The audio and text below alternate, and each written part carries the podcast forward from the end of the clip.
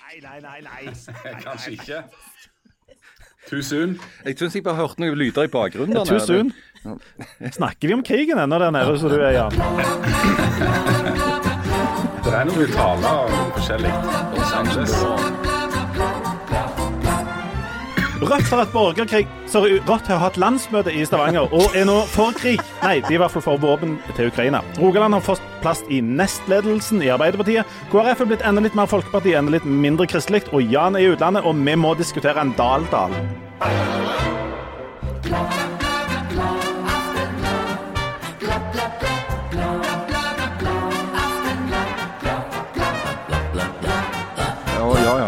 Det. Ikke sant? Jo, jo. Det er en viktig Dal-Dal vi må diskutere. OK. Harald, du har kommet deg gjennom, eller nokså levende gjennom noen durable oppgjør i Rødt.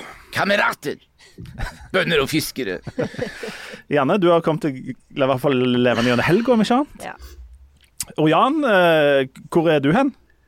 Also, ich bin in Berlin. Wir hatten einige wundervolle Tage hier und haben sowohl gut gegessen und als, äh, als auch getrunken. Und am Samstag trafen wir ganz zufällig einige Bekannte aus der Heimat in Stavanger. Ah, wirklich? Hm. Ja, wirklich. Aber eigentlich bin ich hier, weil wir einige wichtige Treffen haben. Nicht zuletzt mit der norwegischen Botschafterin in Deutschland, der ein alter Pressemann ist. Aber weißt du, äh, wann man das Dativ äh, verwenden? Da.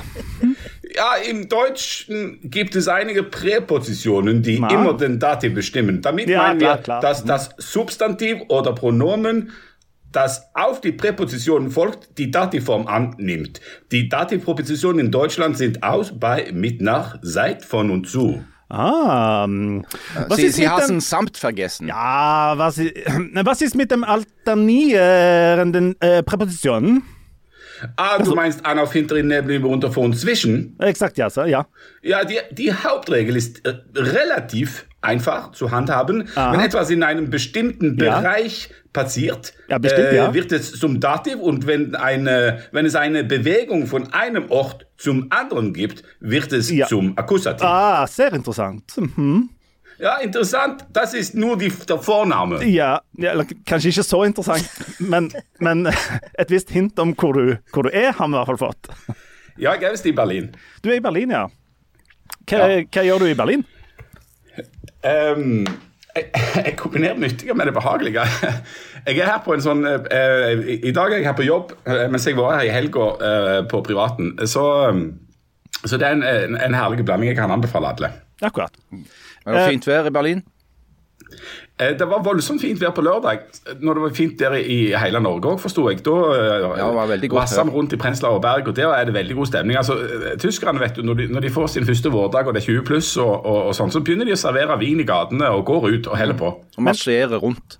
Ja, for er, er de Altså, Jeg vet ikke hvor mye vi skal gnåle om dette, men er de på en måte ferdige med dette med krigen og sånn? For det, Tyskland hadde jo, de var jo nokså aktive under krigen. Det, det, det er lov å si, sant? Det er lov De å si. var jo aktive under krigen. de Ja, var de var- vel- nærmest ikke hyperaktive under krigen. ja. Ja. Var det ikke nærmest uh, gikk i front? Eller, Ja. em, men er de ferdige med krigen? Har du noe inntrykk av hvordan den jevne tysker har det med dette med krigen?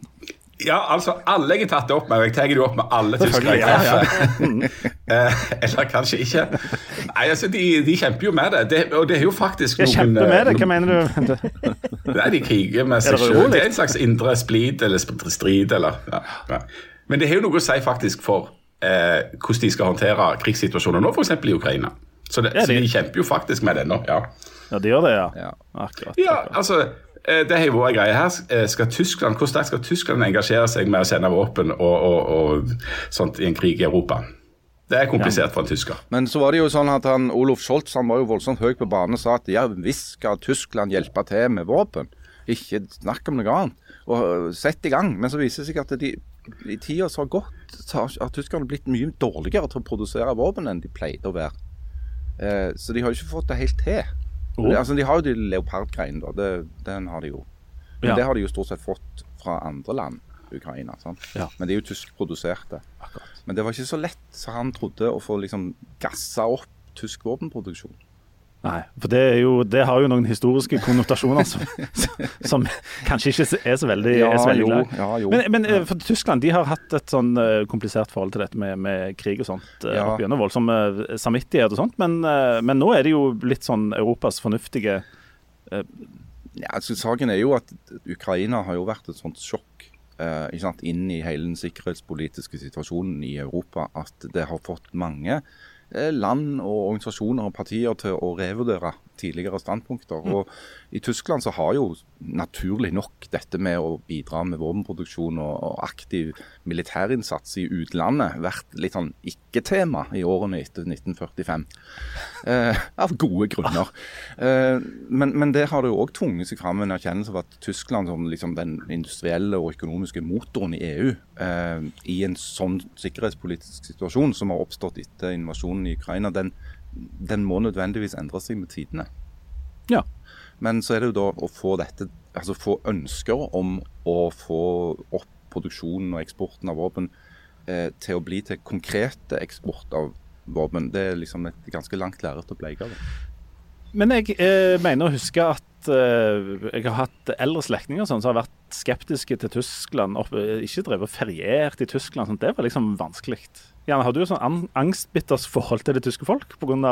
enkelte ting som nå ligger litt tilbake i historien, og nekter å reise til Tyskland på ferie? Ja, men eh, har jeg har jo en far som er veldig interessert i eh, andre verdenskrig. Jeg så, også, Jeg også, ja, så vi reiste jo stort sett eh, rundt omkring og besøkte ulike sånn slagmarker. Og, Jeg tror faren min har alle bøkene som er skrevet om andre Ja. verdenskrig. Det har far min òg. Så du er oppvokst på sånn eh, krigsmonumentaktige safari i Tyskland? Og så var det jo ofte veldig For det, nå har jo Nå er det jo sånn som Hvis du går rundt i Berlin nå, så er det jo et Altså, Det er jo unnskyld-plaketter over hele byen. Du kan ikke gå en meter uten at de unnskylder seg for krigen. Men sånn var det jo ikke på 90-tallet. Da var det jo mye vanskeligere å f.eks. Eh, hvis du skulle lete deg fram til en konsentrasjonsleir, så var det jo veldig vanskelig å, å finne fram til det. For det var jo Det var ikke skilta? det var ikke skilta, og ingen hadde hørt om det. Og Og dette går du og den jevne tysker rundt og vaser i. Jan. Ja, ja. Men jeg er jo oppvokst med to eh, foreldre som hadde studert tysk på universitetet. av alle ting. Eh, sånn at vi var jo alltid i Tyskland på somrene. litt eh, dårlige linjer. Det er Eh, mulig og du fremdeles snakker, eh, men vi hører deg litt dårlig. Vi var, eh, vi var eh, ganske mye ute og reiste, og jeg var ganske mye med. Og, og, eh, og nå når du går rundt i Berlin nå, så ser du jo altså, spor av historien absolutt overalt. Ja. Krig og det, ja. etterkrigs. Krig og etterkrigs. Og dette går du og den jevne tysker selvfølgelig til å snakke om når dere går på kafé og drikker sånn schnitzel og sånne ting. Eh, Kan, eh, not so much, men vi skal kom, sikkert komme tilbake til historien, for det skjedde jo noe på en måte i, i disse områdene i Øst-Tyskland som kan bli interessant å snakke om når vi skal snakke om eh, folk som drømmer om kommunisme. Det kan vi. Og jeg tror vi gjerne hopper litt over på til kommunistene. For uh, du Harald, du har jo hatt et slags spa-opphold i kommunismen. Stemmer og semikommunismen i helga. Fordi at uh, partiet Rødt har hatt uh, landsmøte i Stavanger, på Ja. et hotell med tariffavtale. det må vel være lov å Ja. understreke. Um, og, der, eh, blant eh, alle tingene de diskuterte der, så eh, brukte de vel aller mest tid på å diskutere um, partiet sitt standpunkt når det gjelder våpen til Ukraina. Ja, det vil si at fordi at Rødt er Rødt, så brukte de vel nesten like mye tid på å diskutere små, nokså for, for, for oss på utsiden litt rare endringer i vedtektene. Men det er liksom Ja, La oss ta en runde på det. Hvordan er det med ved... Nei, vi gidder Nei, vi gidder ikke det. Ja, Men, men så, saken er at i, eh, Rødt er et parti som, Det er et par andre partier som har det litt på samme måten. Venstre ett, uh, MDG et annet. Uh, Der eh, delegatene på landsmøtet de er ekstremt hyperaktivt opptatt også av sånne små detaljer som skal det ordet stå foran eller bak det andre ordet, og hvor, hvor skal man sette komma og sånn. Eh, og Det handler bare om at det, er en sånn partikultur for oss å diskutere i det uendelige og vide det brede nokså marginalt interessante ting. Eh, men den saken som alle var interessert i, i alle fall de som ikke var medlemmer og delegater, det var jo hva Rødt ville gjøre med sitt standpunkt i, eh, når det gjelder eksport av våpen til Ukraina. Eh, For der eh, er det harde fronter. Altså Det er en ganske stor fløy i Rødt som er kategoriske motstandere av å sende våpen til land i konflikt. Eh, og så er det òg en ganske stor fløy som er kategoriske motstandere av det du kan kalle eh, USA og Vestens globale hegemoni. Eh, altså Nato som en imperialistisk eh, militærorganisasjon osv. Så, eh, så disse to synspunktene skal da brytes mot eh, synspunktene i den andre fløyen i partiet, som sier at eh, det er nokså åpenbart at hvis Norge hadde blitt angrepet så ville vi tatt imot våpen utenfra. Så hvorfor skal vi da nekte Ukraina det samme? Eh, og det var jo tross alt det siste synet som da nådde opp. Eh, når det da kom til votering, så var det et ganske klart flertall, 107 av, mot 74, som stemte for å, eh, at Norge på visse betingelser skal sende forsvarsmateriell, våpen, til Ukraina. Og Da snakker de da spesielt om forsvarsvåpen som eh, antiluftskyts, antitanksvåpen og sånt. Og nå er da, da er da en konflikt mellom Russland og Ukraina løst? Nei, men altså Rødt, Rødt, har løst et problem for seg selv. For så lenge Rødt hadde stått alene i Stortinget med dette synet, så ville de fått denne i trynet hver eneste debatt de deltok i, uansett hva den handla om. Um, og, men så skal jeg òg ile til å minne om at for ikke lenge siden, altså rett før uh, Russland invaderte Ukraina i, i fjor, så var det brei enighet i Stortinget om at Norge ikke eksporterer våpen til land i krig. Eh, så det er invasjonen i Ukraina som har fått de andre partiene til å forlate det standpunktet. Eh, sånn at for ett og et halvt år siden så ville Rødt sitt standpunkt som de hadde inntil i går, vært det standpunktet som alle på Stortinget hadde. Så så forbaska ekstremt er det egentlig ikke å si at du ikke vil eksportere land, eh, våpen til land i krig. For det var faktisk alle partiene på Stortinget enige om fram til Russland invaderte Ukraina. Men uh, Rødt jo, vil jo være sånn, sånn fredsparti. Det er mange som sier det. Rødt skal være et fredsparti. Ja. Eh, og det, I likhet med en del andre partier. Jeg tror Hvis vi summerer opp, så vil de fleste Eh, partiene, nesten alle, være mer for fred enn krig. Mm. Um, hva er det som er så problematisk med, med, med, det å være et fredsparti og samtidig uh, sende litt våpen? Nei, ikke sant. Altså, det bør vel gå opp? Eh, Rødt er, ja, mange sier at Rødt, eller mange i Rødt sier at Rødt er et fredsparti og tufta på en internasjonal fredsbevegelse og sånn. Samtidig er ikke Rødt et pasifistisk parti ja, som mener at uh, Norge ikke skal forsvare seg hvis det blir angrep, og at folk ikke skal under noen omstendigheter ta liv. Det, det, mener ikke Rødt som parti. Det kan være enkeltmedlemmer og delegater i Rødt som er pasifister, men det er ikke det denne saken dreier seg om. Hovedmotstanden mot å sende våpen til Ukraina dreier seg om at noen mener at Norge ville hatt en mulighet til å spille en rolle som fredsmekler hvis vi ikke var deltaker i våpenleveransene på den måten. Noen mener jo i fullt alvor tilsynelatende at dette egentlig ikke er en krig mellom Russland og Ukraina, men en krig mellom Russland og USA. Eh, og at derfor ved å støtte Ukraina med våpen, så hjelper vi USA eh, med å oppnå sine stormaktsambisjoner. Eh, sånn at det er, det er, ulike begrunnelser for å være imot våpeneksport. ikke sant? Men igjen, et stort flertall til slutt av delegatene på landsmøtet gikk inn for norsk våpeneksport til Ukraina. Hva tenker vår Tyskland-korrespondent om dette? Jo, jeg kan uh, si at det, det, er litt komplisert å tenke, for at jeg får med meg omtrent halvparten av hva dere sier, for de har ikke helt fått bygd ut ISDN-nettet her nede. Så, eh, uh, så, jeg hører litt av det dere sier. Hvis jeg plutselig forsvinner fra denne poden, så er det fordi at nettet ikke virker. Nei, men altså, Jeg fikk med meg at Harald snakket om at Altså, Forskjellen da på Rødt og på de andre partiene, hvis det var sånn at de andre partiene òg var mot å eksportere våpen, var jo at det er lett å ha noen sånne prinsipp eh, når det er en teoretisk situasjon som eksisterer. Så slår av og til virkeligheten inn. Eh, og Da tok det altså fire dager for eh, alle de andre partiene å forholde seg til virkeligheten pragmatisk, mens det tok 14 måneder for Rødt.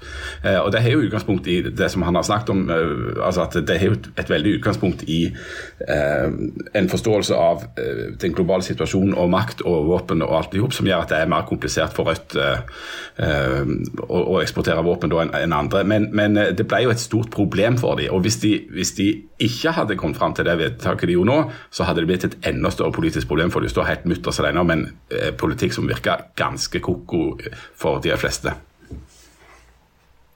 Mm, enig i det. Nå brukte SV òg mer enn fire dager på å ombestemme seg. da.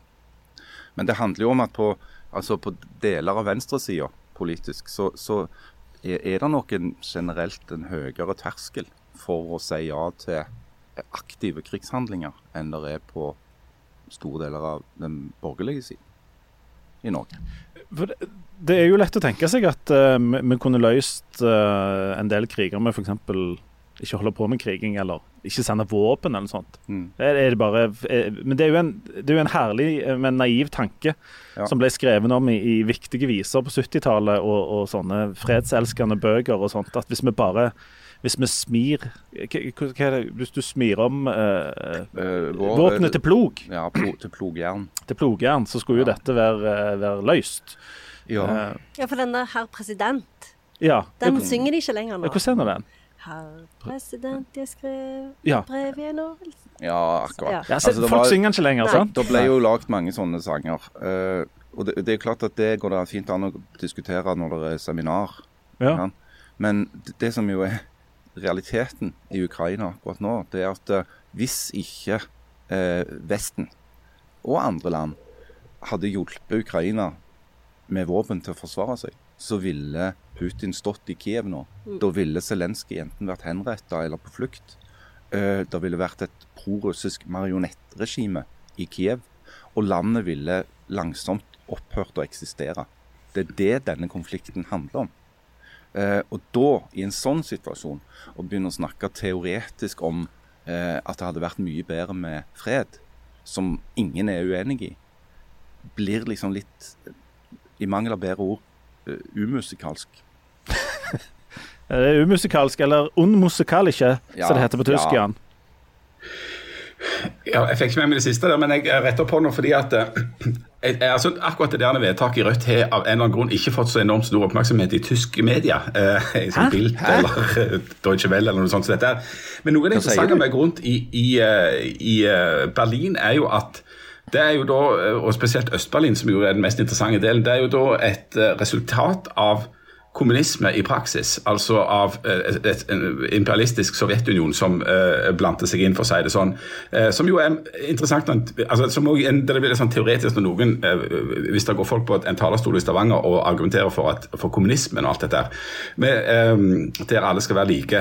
Og så er det løye å gå rundt i Øst-Berlin og se resultatet av hvordan det ble når alt skulle være likt og alle skulle være like, ifra alt ifra arkitektur til eh, si mentalitet. Og, og her om dagen var vi på Stasi-museet. Det er en eh, interessant påminnelse om eh, kommunisme i praksis, der eh, de passet godt på hverandre, for å si det sånn. eh, og det var veldig lite slingringsmonn for individet og for individuelle tenkning og for noe annet enn det som er staten, da.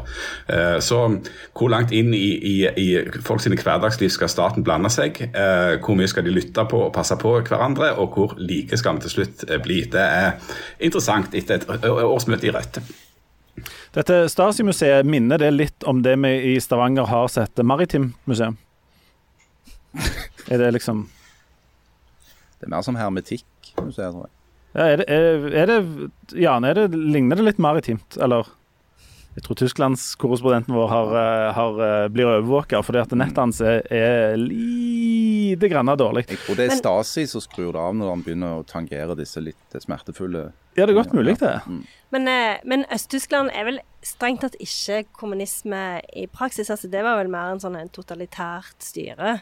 For det, det var jo ikke altså det der Jo, men med- la nå Jan få lov å holde på. Så han, han har jo aldri kommet seg videre etter 1989. Sånn at han står der og stamper. Så det, det må han bare få lov til. Jan, litt kommunisme Altså, kan det, du være med på. Det, det, det viste seg jo ja, altså, men, ja, men altså, Øst-Tyskland var jo akkurat som Sovjetunionen da, altså eh, kommunisme i praksis. sant? Altså, En ting er teorien om hvordan det skal, skal være, og så så du hvordan det ble i praksis. Men det, er- det er jo avslutta nå, Ja. altså, for all del. Men, men eh, det står noen, noen minnesmerker igjen der som viser litt om hvordan det gikk. Det gikk ikke så veldig bra. Vi, du, vi må ta en bitte liten pause, for Jan må fylle på internettkontantkortet sitt nede i, i det kommunistiske Stasi Maritimt Museum Tyskland, som han holder på med. Eh, og når, vi kommer tilbake igjen, så skal vi Vi har masse ting vi må gjennom. Vi skal, skal inn på Arbeiderpartiet. Vi skal se om meg og, eh, og eller Janne eh, kan bli medlem i KrF, for det vil de veldig gjerne. Og så skal vi snakke om en eh, dobbel dal. Men men nå skal Jan først springe ut til sine eh, partikamerater og se om han kan få lov å låne internett bitte litt til, og så er vi øyeblikk.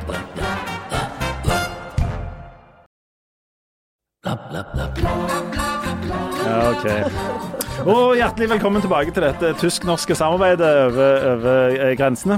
Wovon man nicht reden kann, darüber muss man schweigen. Har dere hatt sånn, Jan, at dere må eh, legge en sånn mynt oppi en sånn en boks når dere snakker norsk? Eh, nei. Det hadde de, ja. Det hadde de, hadde de ikke det i tyskbøkene deres, som Ulrikke og Per, når de var på tur i Tyskland, så var det sånn de skulle snakke tysk hele tida Mm. for å øve seg.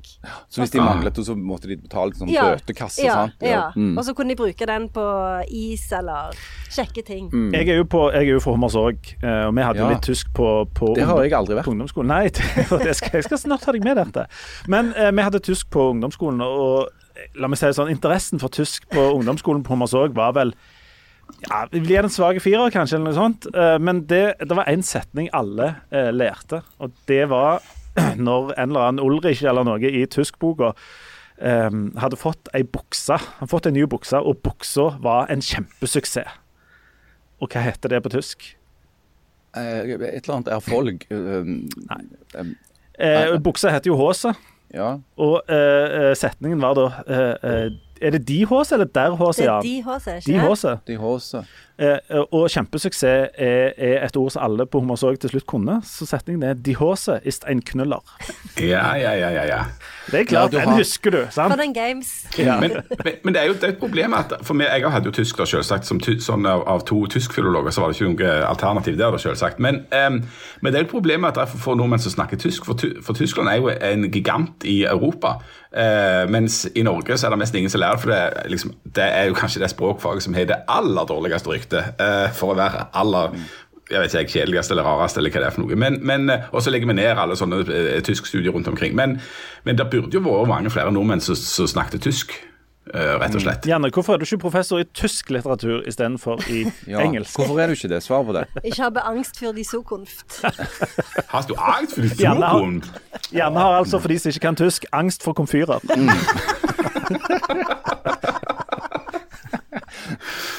Men uh, de seg en knuller, så det skal ikke, skal ikke kimse av det. Ja, men altså, Problemet som tyskerne har, tenker jeg, det er jo at det er ingen andre enn de som snakker tysk. Sant? De har ikke vært en sånn vellykka imperialist, sånn som franskmennene og, og, og, og engelskmennene, ikke minst. da, som som har blitt sånn verdensspråk på et sett og vis. Sant? Altså det, du kan lære deg tysk, og det er kjempekjekt hvis du f.eks. skal dra til Berlin sant? og snakke med tyskerne, imponere dem med dine tyskkunnskaper. Men hvor ellers kan du reise for å snakke tysk? Jo, Østerrike og Sveits. Men tyskerne har gjorde jo for ca. 75 år siden en kjempeinnsats for å prøve å spre det tyske språket. Jo, men det falt jo i fisk fullstendig. Det var mange som snakket det. Men det er ikke tyskerne sin feil. Nei, men ho hovedproblemet nå er jo kanskje ikke det at folk ikke vil lære å snakke tysk. Altså, eh, Som på videregående skole så er det jo veldig mange Det er vel spansk Eller på Det ungdomsskolen, ja. Fordi at, og det er jo fordi eh, folk har hus eller leilighet i Spania. Ja. Eh, Eller så- bare skal til Syden. eller bare skal til Syden. Så både tysk og fransk sliter jo veldig. Men hvis du går opp på universitetsnivå, så sliter jo alle fremmedspråkene. De? Og ved Universitetet i Bergen nå, så er det jo snakk om at de skal legge ned italiensk og fransk.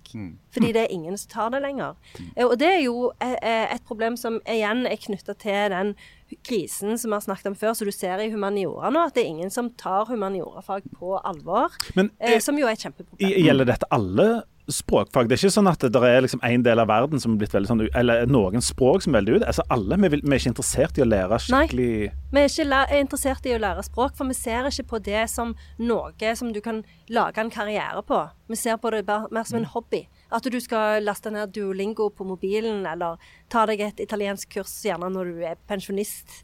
Eh, Så, så, Ferdig det med salsakurset, så er det italiensken som ventes i. Og det er jo et kjempestort problem, som antageligvis er eh, ultrakapitalismen sin feil. Men hvorfor er det et kjempeproblem? Altså, Fordi at hvis du skal, skal du miste alle disse kunnskapene som ligger i humaniora, skal du miste kunnskap om historie, skal du miste Altså hvis du bare begynner å se på sånne ting som, som hobbies, så, så, så mister vi jo en enormt stor del av vår egen kultur og vår egen kunnskap. Da plutselig kan vi jo Altså da Poenget, som, altså Det som en ender opp med, da, er jo, eh, som en òg ser i dag, det er jo at økonomer brukes til alle ting. Det er økonomer som sitter i utvalg, det er økonomer som blir dratt inn i panelsamtaler, det er økonomer som brukes til å forklare vår verden. Og det får meg til å grine hele natta Vent litt. og dagen Det banker på. Skal vi se, det er Janne sin syke mor som vil inn. Nei. Det var, det var dårlig gjort. Det var et eh, slag under er, jo, beltet. det er jo stadig flere som sier at eh, fremmedspråk Nei, det er gresk for meg. Ja, Det, det sier de. Ja. Og, og det er klart at eh, altså hele Og da kan vi humre litt. Ja, være. jeg humrer iallfall når jeg hørte det. Eller, ellers, så de, ellers er de sier i Tyskland 'wir können humren', ikke sant, Jan? Ja, det er 'wir können humren', og så kan du ta det i dativ og akkusativ og Ja. nominativ. Men, men, Det blir vel dasshumren, eller? Ja, det blir dasshumor, men det kommer an på om det er bevegelse mot eller for et eh, objekt eller ikke. Men, men, men spørsmålet er jo om, om, om, em, altså om språkfag. Om du lærer folk opp i språk for at de bare skal bli lærere som skal lære noen andre opp i språk senere, eller om språkfag også kan ha noen slags økonomisk eh, gevinst. Altså Går, går Norge glipp av noen slags form for økonomi, hvis det, vi skal snakke økonomispråket, da, på at nordmenn ikke snakker eh, eh, f.eks. tysk. Og tyskerne er jo ikke så himla gode i, i engelsk eh, nødvendigvis heller, men, men eh, er, så det kan være et økonomisk tap med det. Men, men den store tendensen er jo rett og slett at engelsk jo er i ferd med å bli det store eh, fellesspråket. eh, og da utkonkurrerer det jo alle andre språk eh, hvis folk skal kunne snakke sammen. Så på et vis så kan du si det er eh, at Babels tårn har kommet til topps hvis den dagen alle snakker engelsk, men det er det jo heller ikke. Det er vel flest folk som snakker jeg- kinesisk i, Norge, i verden. Var, var, var språkfag Har de hatt noen sånne mm, nede tider før, eller har det- liksom bare gått nedover, nedover, nedover, nedover? Noe som var enormt hot for noen år siden. Folk sto folk i kø når du skulle studere for å studere spansk og fransk og øh, Ja, det var jo mye mer populært da, fordi at eh, når, eh, når jeg studerte, så uh, hadde jo folk ingen tanke på at de skulle få seg en jobb etterpå. Så folk tok jo sånn etnologi og teatervitenskap og syntes at dette var flotte greier. Men uh, eh, humaniora og språkfag var jo på sitt aller, aller største etter krigen. Eh, for da var da Ikke så- tysk, vel? ikke tysk, Nei. men de andre. Og da så jo folk eh, at det var nyttig, og det ble sett på som, som noe som At du fikk en viss prestisje av å kunne språk og studere det, og folk syntes det var viktig. Men eh, så begynte de jo å legge ned Sånn som på Universitetet i Stavanger, f.eks., så la han jo ned spansk og fransk for ca. Ja, hva blir det? Eh, 10-15 år siden. Eh, fordi at det var ikke pop da. Og så var det jo mange som sa ja, men bare vent. Eh, bare vent, så, så vil det ta seg opp igjen. Men, men det var jo ingen som venta. Og det er, jo, det er jo det som er problemet. at det, eh, Sånn som f.eks. i USA, da. Eh, der har det jo aldri vært sånn veldig populært med språk, for de klarer jo ikke å lære seg eh, noe De har jo et språk, så hvorfor skal de ha flere? Ja. Så, men der er jo f.eks. dette med humaniora.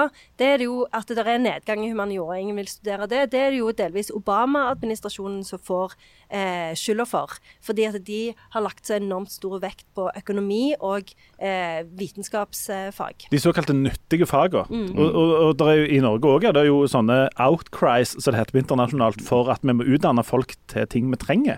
Og ikke sånne folk som kan dativ og, og, Mm. eh, eller kjønn på spansk og sånt.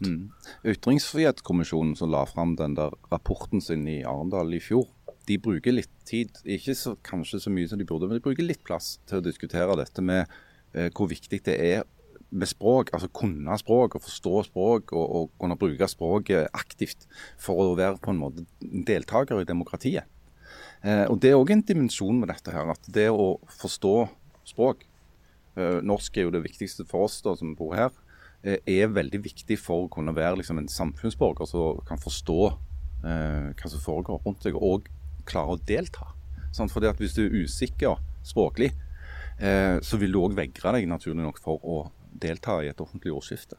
Så, så dette med språk og dannelse hører jo veldig veldig nøye sammen. Og regner med Jan, at nede i, i eh, det kommunistiske Nazi-Tyskland så studerer folk eh, masse norsk, f.eks. Gjør de ikke det? Det er jo faktisk en hel del eh, tyskere som har studert norsk eller har lært seg norsk. da. Eh, ofte av sånne kulturgrunner fordi at de vil eh, forstå tekstene Black til, metal. til, til Keisers Orkester eller til Black Metal-band, eller fordi de vil lese Erlend Loe eller Ibsen på, på originalspråket. Og Selv om det virker som vi nå sikkert snakker om dette her sånn i hytt og vær og helt tilfeldig, så er det vel sånn at eh, opptaket, eller altså søknadsfristen til høyere utdanning er omtrent nå. Sånn at eh, Dette er jo særdeles aktuelt akkurat nå. For nå er det en drøss med sånn eh, 18-19-åringer som sikkert er halvfotle på sånn russegreie eh, nå, som skal avgjøre mye om både sin egen og Norges framtid. Og de står vel altså da ikke i kø for ja, ja, så De gjør noen sånne viktige valg som handler om, om hva slags kompetanse vi skal ha framover i, i landet. ja. Og, og, og når du gjerne mener at når russen er sånn skyhøye på kokain, så tenker de ikke på at de skal studere spansk for å bli et bedre menneske og delta i den offentlige samtalen på Nei, spansk. for kokain Jeg vet ikke hvor mye det går for for øyeblikket, men det er jo ikke billig. Nei, det er ikke Så det. de tenker ja ja, jeg må studere økonomi, fordi økonomi både gir meg tilgang til masse kokainpenger, og det hjelper meg å forstå verden. Men det gjør jo ikke det. Det hjelper deg ikke å forstå verden. Verken kokain sånn. eller økonomistudier gjør at du forstår noe særlig av verden. Og det- Det kan være sikkert være kjekt på mange andre måter, men du forstår ikke så mye av verden. Ja, men Du hører jo hele tida folk som sier sånn Jeg har ikke råd til å kjøpe kokain fordi jeg tok fem år spansk. Ja. Så jeg, jeg har rett og slett ikke, ikke pesetas. Er det ikke den, Er det ikke pesetas de har nede i Spania, Tyskland og Jo, jo, Syden og der og der? Stemmer det. stemmer det. Hva, hva, hva, slags valuta er det de bruker i, i Tyskland? Er det, er det sånn gylden? Det som er problemet med den valutaen de bruker nede i Tyskland, vet du hva det er? Det er at han er blitt så grassat mye dyrere. Ja. Altså, det, altså, Vi har jo snakket teoretisk om, om, om at, det, at det, liksom, det blir dyrere for nordmenn å reise ut i, i, i verden. Men på et visst tidspunkt så kosta jo euroen sånn åtte kroner eller noe sånt for en euro. Nå, nå liksom ligger den og dunker opp over mot 12 kroner. Det, det er 50 eh, oppgang, det, eh, sånn cirka. Så, Mm. så nå bruker de noen voldsomt dyre penger. Noen voldsomt dyre euroer. Så alt Ja, ja. er ikke Hei, nå betaler jo du heldigvis ikke for deg sjøl, da, så, så det går jo på et vis. Fram til nå har jeg betalt for meg sjøl. Tenk hvis du hadde vært en vanlig nordmann så, og ikke kunne reise på bedriftens uh, regner. Det hadde vært fryktelig. altså, da måtte du betalt for alle disse gylden sjøl, og da, da hadde det sklidd Uh. Men de Hvis du skal ha Håsen og snitsel, så må du jo ja, Ja. Legge halvliter en neve dollar i Ja. bordet. Men jeg fant noen jeg- euroser, både jeg og brura fant noen euroser i noen skuffer fra noen gamle dager. eh, på et eller annet sånt, og Det visste jeg å være akkurat så å investere i sånn sveitserfranc når det var inn, for det, det hadde jo gått opp i rakettfart i verdi. Så det var bra. Vi hadde med oss noen gamle penger. Men de snakket jo om det i dag på nyhetene, eh, at eh, det er så dyrt. Mm. så, men alle skal reise på ferie. Men en, en, flere reiser til sånn lavkostland. Hva det er? Japan.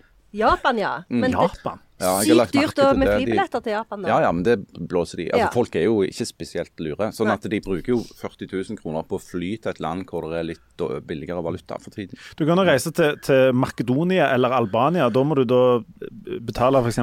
28 000 for noen flybilletter. Men når du kommer ned der, altså en, en, f.eks. en boks Fanta, koster gjerne fire kroner. Hæ? Ja, ja. ja det, er helt, det er helt spinnvilt. Og da sparer du plutselig en hel haug med gylden. For Det er jo det de bruker der òg. Mm, alle, alle bruker det. Men de som skal lede Arbeiderpartiet, de har råd til å reise hvor som helst, for de er jo millionærer. Og de, og de. er millionærer. Ja, det kan vi ta en liten runde på. fordi at eh, Arbeiderpartiet har, eh, har nå ommøblert eh, inne i heimen sin. De har tatt alle møblene fra kjøkkenet, flytta det inn i, ut på gangen. Og så har de sparkla, og så flytter de de samme møblene inn igjen. Ja, sånn de har òg hengt opp nye gardiner. Det har de. Uh, Kan ikke sånn. du, Harald, mens vi andre uh, sjekker litt sånn uh, kursen på gulden og andre europeiske valutaer, ta tre minutter om hvordan nå ledelsen i Arbeiderpartiet ser ut, hvorfor vi skal bry oss, og eh, hvor mange vi skarrer r det er inni Arbeiderpartiet. Ja. Vær så god. Jo, altså jeg tenkte jeg kunne begynne med å si litt at, at forrige uke var jo en litt travel uke for ei dame som heter Peggy Hessen Følsvik. Hun er leder i LO. Så, for Og leder av Norge. Ja, på en måte en slags leder av Norge i forrige uke. For det, altså, Hun hadde en ek ekstremt produktiv uke. Hun, eh, I forrige uke så starta hun en streik, storstreik. Avslutta den samme streiken med en slags seier, og bytta ut store deler av ledelsen i Arbeiderpartiet.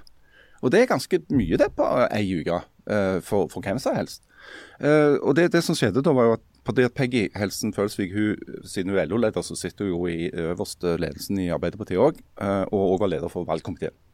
Og hele, ja, De siste åra har det jo vært mye snakk om denne ledelsen i Ap. fordi at Siden valget som førte de inn i regjering sammen med Senterpartiet, så har det jo vært en slags strid mot motbakke. Det var- var motgang og elendige meningsmålinger. og Det var en slags hengemyr. Eh, med mye sånn Hva skal vi gjøre? Vi må bytte noen folk. Eh, eller skal vi satse på kontinuitet? Eh, hva bør vi gjøre? Eh, og nå har kommet ned da med, med sine steintavler og funnet ut at det, det de skal gjøre, det er å bytte ut nestlederen i partiet. Eh, så der eh, setter de da inn eh, For de har mangla en òg, siden Hadia Tajik trakk seg etter denne pendlergreia. Eh, så da bytter de ut eh, Bjørnar Skjæran fra Nord-Norge med da Tonje Brenna, som i dag er kunnskapsminister, og Jan Christian Vestre, som i dag er næringsminister i regjeringen. Så de er da foreslått inn som nestledere i Ap. De som holder på jobbene sine, er da Kjersti Stenseng, eh, som partisekretær, og eh, Jonas Gahr Støre som statsminister og partileder.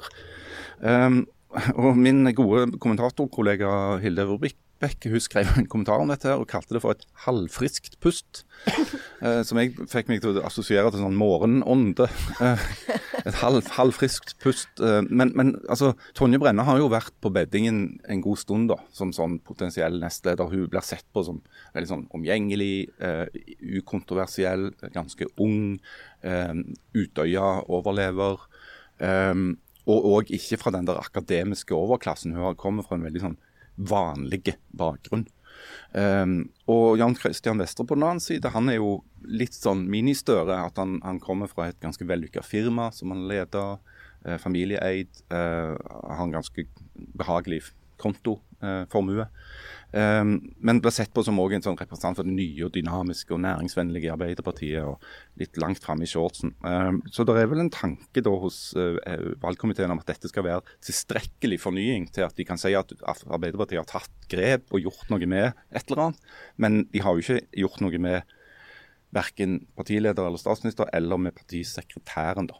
Og så er jo, Nå er jo da òg hele landet representert Nei, vent litt. Eh, Hele, hele Karl Johan representert i denne ledelsen, ikke sant? Så, Altså, Vestre, hva er han egentlig? Det har jeg stridd litt med. han er født i Haugesund. Han er født i Haugesund, men han, bor og, og jobber på der borte i skogen på Østlandet, gjør han ikke det? Jeg tror de flytta han til, til Østlandet når han var én time gammel. Jeg tror Ja. fløy han over med et helikopter som ikke ble påvirka Ja, av det, Vestlandet. og det, det, det som jo da ikke skjedde, det var jo at uh, altså, det skjedde ikke at Haja Tajik kom inn verken som nestleder, som hun hadde lyst til å bli, eller i sentralstyret. Men den som kom inn, som har en slags skarre her, det var jo da Kari Nessa Nordtun, som er ordfører i Stavanger. Hun er jo foreslått inn som medlem i sentralstyret. Og Da snakker vi om nest, på en måte det, nestledelsen her, altså der, og der sitter det jo en 80-90 mann eller noe sånt. Nei, altså det ikke så mange, men, men det er jo, sentralstyret er jo på en måte det øverste organet i partiet mellom, mellom landsmøtene. da.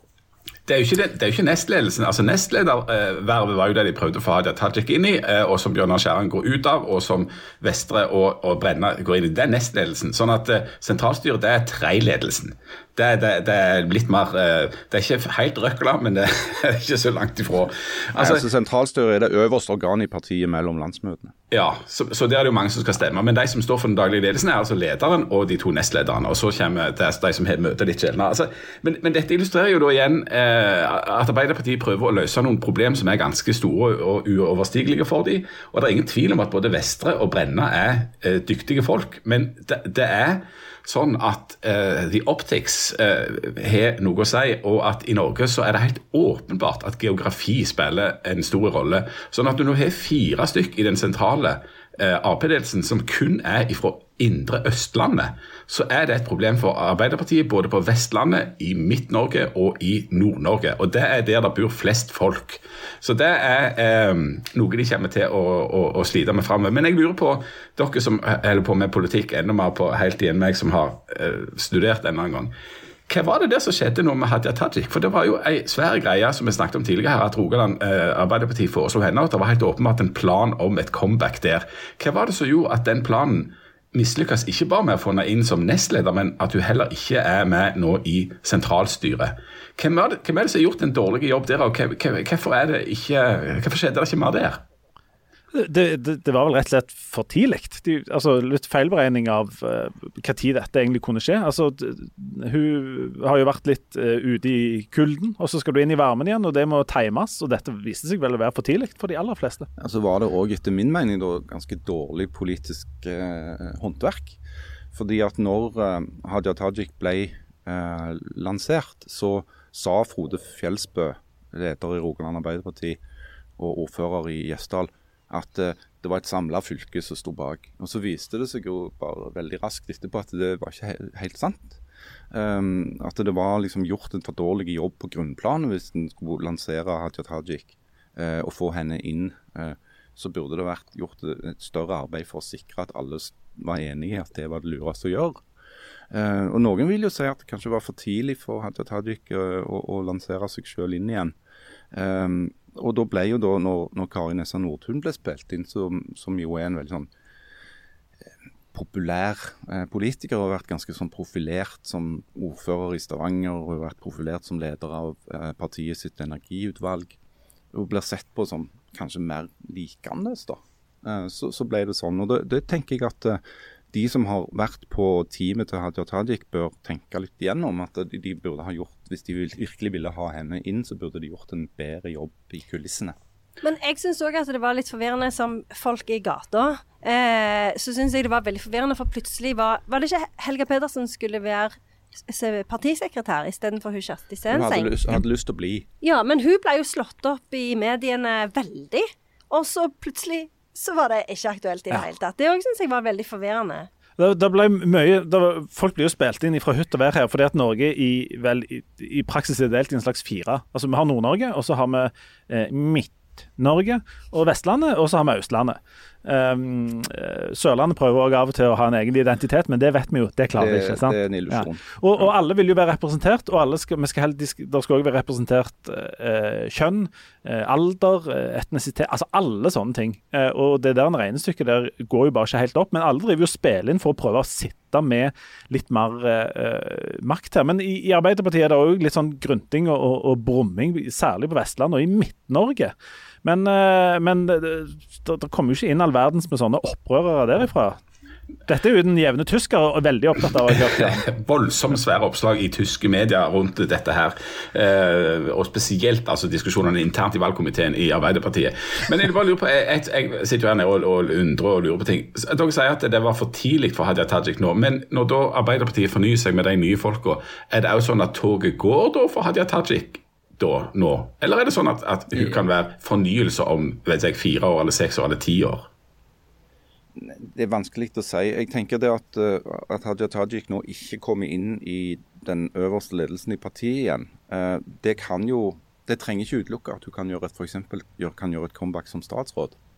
Eh, fordi at når Jonas Gahr Støre var på årsmøtet i, Rogaland Ap tidligere i vår, så brukte han tid på å på en måte rose eh, Tajik eh, og si at hun hadde vært en av de mest effektive og dyktigste statsrådene i regjeringen.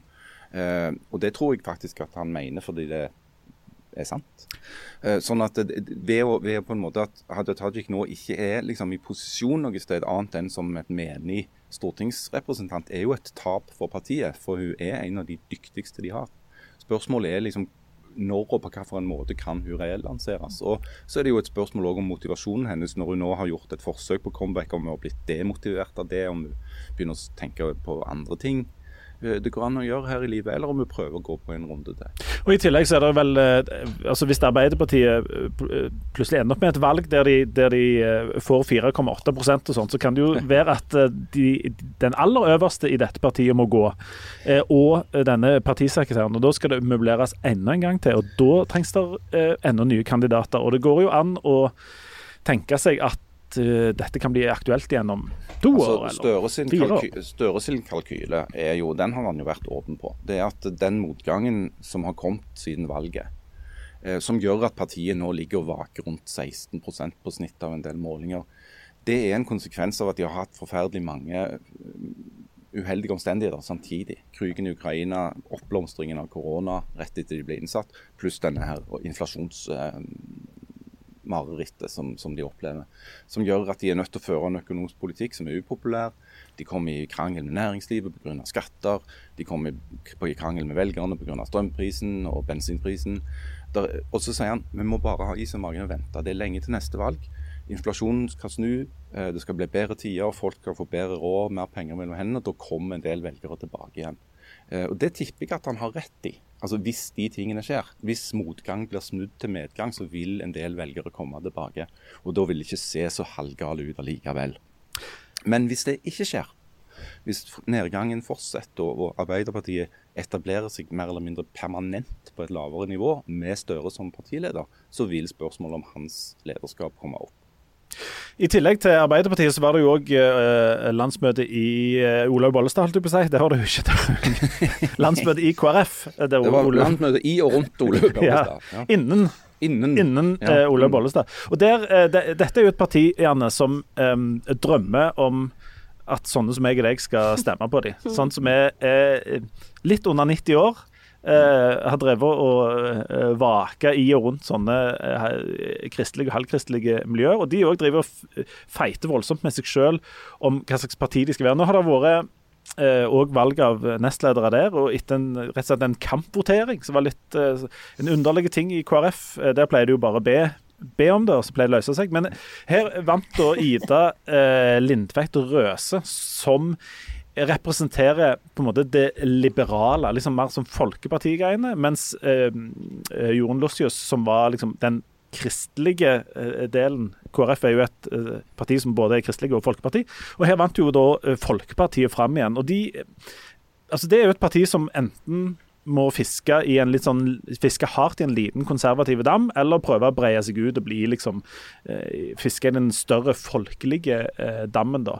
Um, Lar du deg eh, lokke av at det eh, skjer sånne ting i et parti som f.eks. KrF? De, for det, dette handler jo bl.a. om abort, f.eks. Altså, to veldig sånn eh, forskjellige syn på abort. Mm, jeg syns jo at Jeg hørte litt av denne talen som Olaug Bollestad holdt. Eh, og det er jo det, er jo jeg, det er jo en del verdier som jeg kjenner meg igjen i. De er jo veldig opptatt av å kjempe for de fattige i verden. Der, de, der er du midt i målgruppa, selvfølgelig. Jeg eh, Altså, vi har jo snakket om at Hylden Ja, er veldig høyt ja. nå. det er helt sant. Helt sant. Eh, og eh, er veldig imot oljeleting i nord. De syns jo det er spinnvilt, for å sitere Bollestad. Det er såpass, ja. Det som Arbeiderpartiet holder på med nå. Eh, og spylamt, sikkert òg. Mm. Eh, så, så det er jo eh, Altså, eh, kjempe mot eh, verdensfattigdom, eh, kjempe for miljøet og kjempe for familien. Så det er jo en del verdier som, som jeg kan kjenne meg igjen i. Men så er det jo dette med at Ja, jeg syns kanskje at For i utgangspunktet der er jo litt sånn what's not to like. Ja, det er jo nettopp det. Men så klarer jeg liksom ikke helt å ta det steget likevel. Hva er det som mangler, da? Jeg tenker at på en del punkter så er de kanskje litt sånn eh, kristenkonservative. Ja, Mm. og, og det er jo problemet her. fordi at eh, de, de, de får jo ikke til å være både kristelig og folkeparti. De er hele tida nødt til å velge. og så velger de, Den ene gangen velger de den ene tingen. Sist gang valgte de å være veldig være kristelig, og så nå vel, tar de et steg mot folkeparti. Og så står du der, og så er det sånn hit er et steg og dit er et steg, så danser de til skolevei. Er det ikke det det heter? Den tyske sangen. Jo, det er det. Hit. Eh, og, og, altså, Doch ein Steg und doch ein Steg, så dansen blir som skole har en, eh, han har en tysk versjon òg. Ja. Aksel Benke Myhre men, men hør, hør nå på meg. Altså, det som jo er hovedjobben til Olaug Bollestad som partileder i KrF, det er jo å prøve å få pirka de over den der magiske sperregrensa igjen. Fordi at nå har, eh, har de fått den i trynet.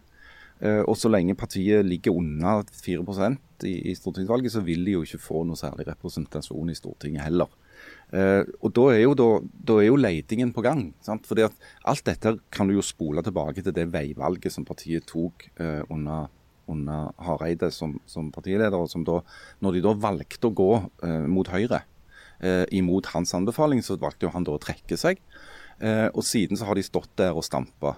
Og de ser at OK, det retningsvalget de tok, det førte oss hit. Nå er vi her. Så, nå er vi et så lite parti at vi bare har i, på gode dager én eller to personer på, på tinget. OK, hva gjør vi nå? Eh, og Da er det jo naturlig at en del tenker at kanskje det var, tok vi litt mye tran der i, i kristenkonservativ retning. Skal vi prøve å appellere litt mer til de velgerne som sitter litt i midten der og lurer på om vi ikke kan være litt snillere og tenke litt på mer på miljø og på internasjonal solidaritet og sånn. Men jeg er litt sånn Bekymra er vel feil uttrykk, men jeg tenker at, at blant de partiene vi har og har hatt en stund, så er kanskje KrF et av de som står i fare for å på en måte forsvinne. Og igjen, og igjen, hva sier den jevne tysker til dette?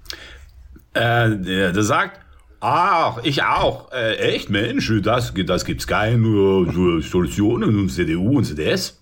Äh, det sier de. Men ehm, Det er såpass, ja. ja, og i, i Tyskland så, er vel, så har jo altså Merkel sitt parti, eh, CDO, er jo et sånn kristenkonservativt parti. altså et, et eh, litt sånn, ja, liksom sånn, sånn halv, ja, det ligner, ligner litt på Høyre, men litt på Kristelig Folkeparti. Men greia er at Kristelig Folkeparti er jo i en komplisert situasjon eh, i lag med litt flere. De befinner seg jo midt i sentrum på en måte i politikken, eller på det liksom ideologisk sett. Så de har en masse sånne saker så what's not to like. sant? De er opptatt av alle sånne ting som folk er opptatt av, av familie og av ja, oppvekst og av helse. Og liksom, de er for alt som er fint. Akkurat sånn som partiet Sentrum på et visst tidspunkt eh, var da. Eh, og så skulle du trodd at de fleste folk var midt i sentrum i politikken. Altså At de fleste var sånn moderate og litt for sånne greie ting. og sånt. Men, men det kompliserte det er å finne en slags egen identitet midt i sentrum. Altså Hvordan skal Kristelig Folkeparti De må jo ha et eller annet å markere seg på når de står midt i midten av alt, som skiller de ut ifra noen andre. Det samme problemet har Venstre, og det samme problemet har på en måte eh, Senterpartiet hatt mens de var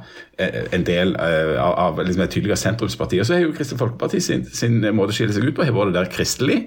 Og så har eh, Venstre sin måte å skille seg ut på vært vanskelig å få tak på. Eh, eller at du kan mene hva som helst. Da kan du være i Venstre. Ekstremliberalisme. Og så ja, og så- har Pils i park. ja, og så har Senterpartiet liksom vært liksom jordbruk og bonden og, og det agrare og sånt. Og så, sånn at Hvis Kristelig Folkeparti ikke skal satse på det kristelige, hva er da poenget?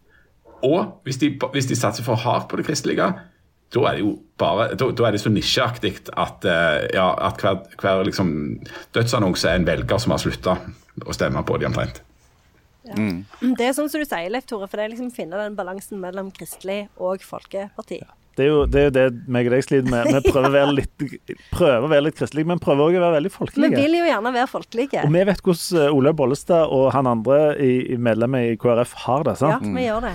Men så er det, sånn, det, det er jo slitsomt, fordi at eh, når du holder på å prøve å finne sånne saker som kan ha appell, så tenker du ja, miljøvern, sant? Vi, må, vi må redde miljøet. Men der er det faktisk et, vi har et eget miljøparti ja, som ikke snakker om noe annet, og vi har Venstre som snakker masse om det. Og nesten alle partiene, kanskje bortsett fra Fremskrittspartiet, og de snakker jo om miljøet. Men nå fikk jeg en idé til, til KrF, for den kan de gjerne ta gratis. Ok, de, de, de, de vil jo være sånn et verdiparti, sant? Hva hvis du samler de klokeste hodene i Norge, kall det en slags kommisjon da, sant?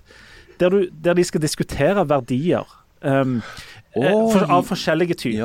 Ja. Um, jeg vet ikke helt hva du kan kalle det, men en, en, Nei, nei. en kommisjon for verdier, da. Ja, ja. Eh, kunne kalt uh, kommisjonsverdien. Ja. Nei, eh, eller det blir gjerne høres Du gjerne dumt ut. Kunne du satt disse satt samme folka i gang med å bygge det norske hus? det, det kunne du gjort. Ja. Ja. Nei, det er ikke sikkert det var en kjempegod idé. Nei, det kom jeg på en ting fra, bare som en slags greie fra landsmøtet til, til Rødt. da. For det at Mimre Kristiansson fra Stavanger, eh, som sitter på Stortinget, han var jo på talerstolen for å skryte av alt de har fått til i Stavanger. For der har jo Rødt vært en del av det politiske flertallet nå en stund. Um, og, og da sa han, han altså var jo denne kommunen, da. Altså, han er så opptatt av, av kommunen og hva de har fått til innenfor denne organisasjonsformen som kalles en kommune. Og han sa at tenk hvis noen hadde kommet på en ideologi knytta til det. En eller annen form for sånn isme. Altså en slags kommuneisme. Ah. At du kunne begynt med det. En slags sånn kollektiv løsning Ja, på en form for, altså bygde på det det med kommune og, og ja, Ja, sånn, ja. ideologi rundt det. da.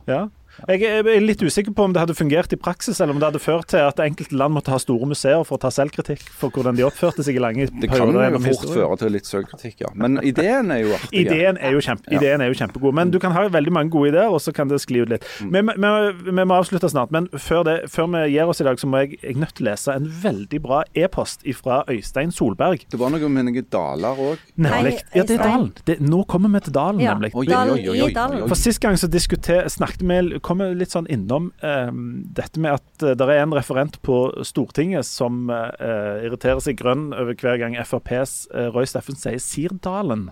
Ikke Så det er at Da er hun nødt til å skrive det ned, Ja. for de må skrive akkurat det de sier. For det heter ikke Sirdalen, det Heter Sirdal. Sirdal. Um, Øystein, eh, Sirdalen, da. ja, Øystein Solberg har uh, sendt oss uh, en e-post der han opplyser om veldig mange uh, fine ting, bl.a. at han bor på Hinna, men kommer fra Sandeid. Um, Og eh, ikke langt derifra, nabobygda til Sandeid heter Vikedal. Ja, det gjør han jo. Hold, med, så han. Selve Vikedal, eh, skriver Øystein, er ei bygd eller et tettsted som ligger nærme fjorden. Ja, det er veldig fint der. Veldig fint. Kjempeflott. De har en fin sånn eh, festival der. Ja, det har de òg. også. Ja. Men i Vikedal har de også, og dette er ikke et sjokk, eh, sier Øystein, eh, en dal som strekker seg inn over, eh, mellom fjellene. Det er der Vikedalselva renner. Ja. Og hva, eh, spør Øystein, har åpenbart øst seg opp over dette, med god grunn. Hva har Vikedalbuen eh, bestemt at denne dalen skal hete, lurer dere sikkert på? Den eh, kan jo ha mange navn. Eh, Det kanskje mest logiske hadde, vært Vikedalen, men nei da. Dalen heter brrr, Vikedalsdalen. Ja. Det stemmer. Den heter Vikedalsdalen. ja, men er det fordi det er to fordi det er den dalen som fører ned til det tettstedet som heter Vikedal. Altså Vikedalsdalen. Men du kan jo ikke Ja, men er det to daler? Nei, Det er bare én dal. mener du at den bare skulle hete Vikedalen? Ja, selvfølgelig. Så lenge det ikke er en dal som ligger i en større dal, så burde det jo være Jeg, bare jeg, jeg kjenner at jeg liker det der For, at du nei, men hør nå her. Det, Hvorfor skal du gjøre ting så enkelt? Men han, han sier jo da at eh, Stor, eh, Storhaug er jo en haug, sant? Men du, du kan jo ikke kalle det Storhaughaugen, eller? Nei, Ja, men det, er jo- det det er vil jo to være smør på flest. Ja. Sant? Men hvis du hadde ha- altså, Det var et dårlig eksempel. Nei, eh, OK, da. Du har en våg inne med Hillevåg, sant? Ja. Du kaller den Hillevågsvågen. Det der sundet oppe med Haugesund, skal vi kalle det for Haugesundsundet? Det syns jeg. Nei, det, det, det Eller jo ikke Eller kanskje det hadde vært litt dumt, for de sliter jo litt med diksjon og sånn der fra før. Så, ja. Men da, for, for da kan du jo si Stillehavshavet. Ja, nemlig. Eller Sandnesneset. Det, det, vi kan ikke holde på sånn. Nei, Stavanger, dette må, her må noen ta Ja. tak. Tysklandlandet. Ja. Nei, jeg vet ikke. Men altså, jeg, det er noe med Likedalsdalen jeg liker. Jeg blir sliten av å tenke på det, faktisk. Mm. Jeg får Det her, det, noen må slutte med det. Jeg får helt syre. Ja. Jeg får helt syre. Øst-Tysklandlandet. Øst-Øst-Tysklandlandet. Altså øst i Øst-Tyskland. Skal det kalles Øst-Øst-Tysklandlandet? Ja. Nei, det blir jo sånn sønnen til Kjell Magne Bondevik Bondevik. Bondevik. Og da har vi det gående igjen. Ja. Nei, folk i Vikedalsdalen må ta seg i, kraftig til sammen og sløyfe den ene dalen. Nei, men, så, Jeg sånn tror faktisk òg uh, Dette må jeg sjekke, men uh, du har datamaskin. Sjekk om det Ja. ikke er et sted som heter Kvildalsdalen. Hæ? Tror det. Ja, Er dette en ting? Er dette noe som en holder på med i Norge? Kvildalsdalen. Yes, sir. Min fineste påsketur, skriver de om i Suldalposten. I Kvildalsdalen. Nei, vet du hva. Det er ikke mulig.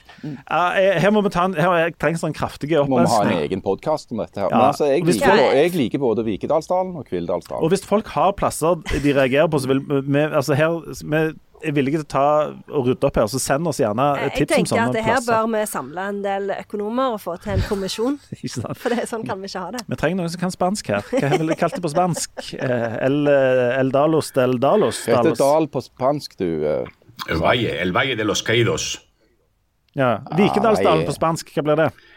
El Valle del eh, No sé. Jeg mener er en plass okay. i Tyskland som heter Baden-Baden. Ja. Ja, det er sant. Men er det to ting? Altså, hva, hva er opplegget ja, med to, jeg hadde to bad, så da Det ble Baden-Baden. Ja. Det er ikke mat ja, OK, så det er to bad. Åh, da kjente jeg jo at jeg, det begynte Fikk du, å får, får du sånne rykninger nå? Nei, ikke helt, men jeg kjenner at jeg sliter litt med dette. Mm. Jeg tror vi begynner å nærme oss uh, uh, mål og takk for i dag. Men Jan, Ja. jeg bare, bare, når du er nede i Tyskland, er det, har du fått en sånn personlig unnskyldning fra den tyske stat for hvordan de oppførte seg under krigen, eller er det bare ikke et tema? Tenk deg om, han heter Zal. Det ja, altså er vel kanskje ser, han som burde ha utskyldt seg. Ja. og, og det er det som er greia, at jeg heter Zal, og så ser jeg ut som jeg er. Så her snakker jo alle tysk til meg i utgangspunktet, for de regner meg jo som en av sine. Så hvis det er noe skyld, så, så tenker de sikkert at jeg er en del av den skylda. Uh, jeg, er. jeg er jo helt uskyldig da på alle vis. Ja, for Jan er vel òg et tysk navn, er det ikke Ja. det? Jan og Ulrike. Det er jo Ja, ja, ja, et ja. couple. Ja da, ja da. Ja, jeg vet Men, har, men, men er det spekulasjoner om du er Altså, jeg, jeg du- Du er jo etterkommer av uh, denne mørke perioden i den norske historien fra 40 til 45, tror jeg, har jeg forstått. Uh, det er der Sal kommer fra. At det var Ja, altså, jeg tror, men jeg tror dette var noe, noe tidligere. Hansatiske Hansatiske Første verdenskrig. Ja, litt før det òg. Jeg tror hans, Hansatene, der tror jeg det jeg stammer ifra, visstnok. Og det var, det var noe før alt, det- alt dette begynte å skje. og de begynte å det var vel noen sånn. Jehovas vitner òg, med sånn rikets sal og Ja, men De staver det på en annen måte. Det er en annen sal. Oh, ja, okay, Salsalen. Ja, ja. All makt i denne sal. Kom, hvor kom det fra? Det er jo far til, far til Jan som la, ne, la neven i bordet, Ja. og så svarte mora med det. Ja, Ja. Ja. Og, jeg, og jeg har jo egentlig alltid tenkt at hvis jeg fikk en sønn, så skulle han hete Paradok. ja, det hadde vært et modig valg. En kompis av, av min ene sønn, han, han eh, heter Lien til etternavn og skifta faktisk fornavn til Brocco. Nei, gjør han det? Det er. Det. Det er sterkt. Jeg, det, den her eh, Tore Trygve Ulven, vet, er det et ekte navn, sant? Nei, det er kjempebra navn. Ja, ikke sant? Ja, det, jeg syns det er et veldig godt navn. Er det, er, er det ekte dyrt å være i utlandet nå? Altså, Ja, nå er eller tuller vi bare med det skylten? Nei, det er ekte dyrt å være i utlandet nå. Eh, så, så Hvor dyrt er det? Ja, Hva det- koster en eh, brus? Det er jo det med alle Det er jo en halvliter. Det er jo Ja, det ja, men du altså- vil vite. Hvor mye koster halvliteren? Ja Jeg kjøper ikke halvliter, så jeg vet ikke. Men uh, hvis, de, hvis, hvis, en, uh, hvis en forfriskning koster, med alkohol i koster en sånn 6-7 euro, så er det jo plutselig oppe i uh, nærmere 100 kroner. sant? Altså, Det er ikke så langt ifra norske priser. Sånn priser. som i Norge, liksom. Ja. Eller det er litt billigere enn her. Ja. Det er liksom det, det ultima Altså det verste du kan gjøre mot en nordmann, det er å skrive at i utlandet, der har de norske priser. Hva er da Det er poenget? det er jo ikke derfor du, altså, du reiser jo til Syden for å slippe unna de norske prisene. Du betaler jo hundretusenvis av kroner for å komme deg til Syden for Og å spare spare penger. penger på å kjøpe Ja. Fanta. Ja. Det er jo det som er essensen av å være norsk. Uff meg. Uff meg. Det er det som er det norske hus. Det er faktisk det som er det norske hus. Husker du det under korona når folk ikke kunne fly og sånt. De kjøpte seg Tesla sånn at de kunne kjøre til Syden. Ja. Har du kjørt ned med din Tesla, Jan, til Syden? Ja, jeg, jeg, kjørte, jeg hadde en rundtur ned til Tyskland faktisk før koronaen. Eh, det gikk fint, det. Men er. Tyskland strengt tatt i Syden? Ah, ja. Nei, det er ikke Sør-Tyskland er Syden, vel en slags Syden. Det er midten. Midtens rike. Sør-Tyskland. Jeg har lest sånne klimarapporter som sier at eh, Tyskland og eh, øvre delen av Frankrike sånn kommer til å bli den nye. Det er den nye Syden, for den sørlige delen av Frankrike kommer til å bli Alfabar. ørken. ørken. Og Sånn så- England er jo òg den nye Syden. England òg? Ja, ja, de dyrker jo vindruer der for ja, noe så aldeles voldsomt. nå. Nå føler jeg bare sklidd ut. Ja. Nå, Nå må vi eh, si takk snakkes for oss. Mm, ja. Men du, er- kan vi håpe at du er vekke neste uke òg, Jan, eller kommer du tilbake? Det er lov å håpe, men jeg ville ikke holdt pusten. Nei, det skal jeg love deg at jeg ikke skal gjøre. Nei. Det er veldig lenge å holde pusten ei hel uke. Ja, så Jeg beklager, men jeg er der nok sannsynligvis. Men full av nye inntrykk. Wenn jemand eine Reise tut, dann Ja. Ja, ja, ja. Jeg kan berette Ausländer. Ausländer. Nei, jeg kan fortelle om all slags av mine rike opplevelser fra, det, fra Europa. Ja, vi gleder oss. Jærbu bor Europea. Altså, jeg har aldri vært i Berlin. Har du ikke? Nei. Er du Det spinngal? Sånn kan vi ikke ha det. Jeg har nesten vært der uh, to ganger. Jeg to ganger med Ja, Jeg dette skal må til, jeg skal til. Berlin uh, allerede om tre uker. Ser du? Men når du skal være med i potten fra Berlin, så må du ha mye bedre wifi enn enn, eh, det var på dette hotellet. i hvert fall. Men eh, det ble, gikk jo bedre i andre runde. Da tror jeg jeg Men det er ikke sikkert jeg er vekke på en onsdag, det får vi se. Men, men uansett skal jeg ned, da. Og så skal jeg tilbake igjen i sommer, midt i juli skal jeg òg til Berlin. Ja, ja. Så, Så du er fast, da? ja, ja, ja. Tittgjeng til der, som de sier. OK. OK. Ha det. Lykke til. Auf Wiedersehen. Tschüss. Ja. Auf Wiedersehen, ja. Wiedersehen. ja. Tschüss. ja. Tror jeg går uh, greit. I'm, I'm so miserable without you. It's almost like you were here. Ja, ja, ja. ja, ja.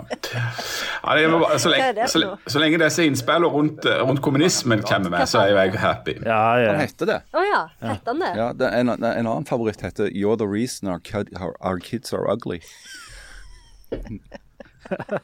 It's funny because it's true.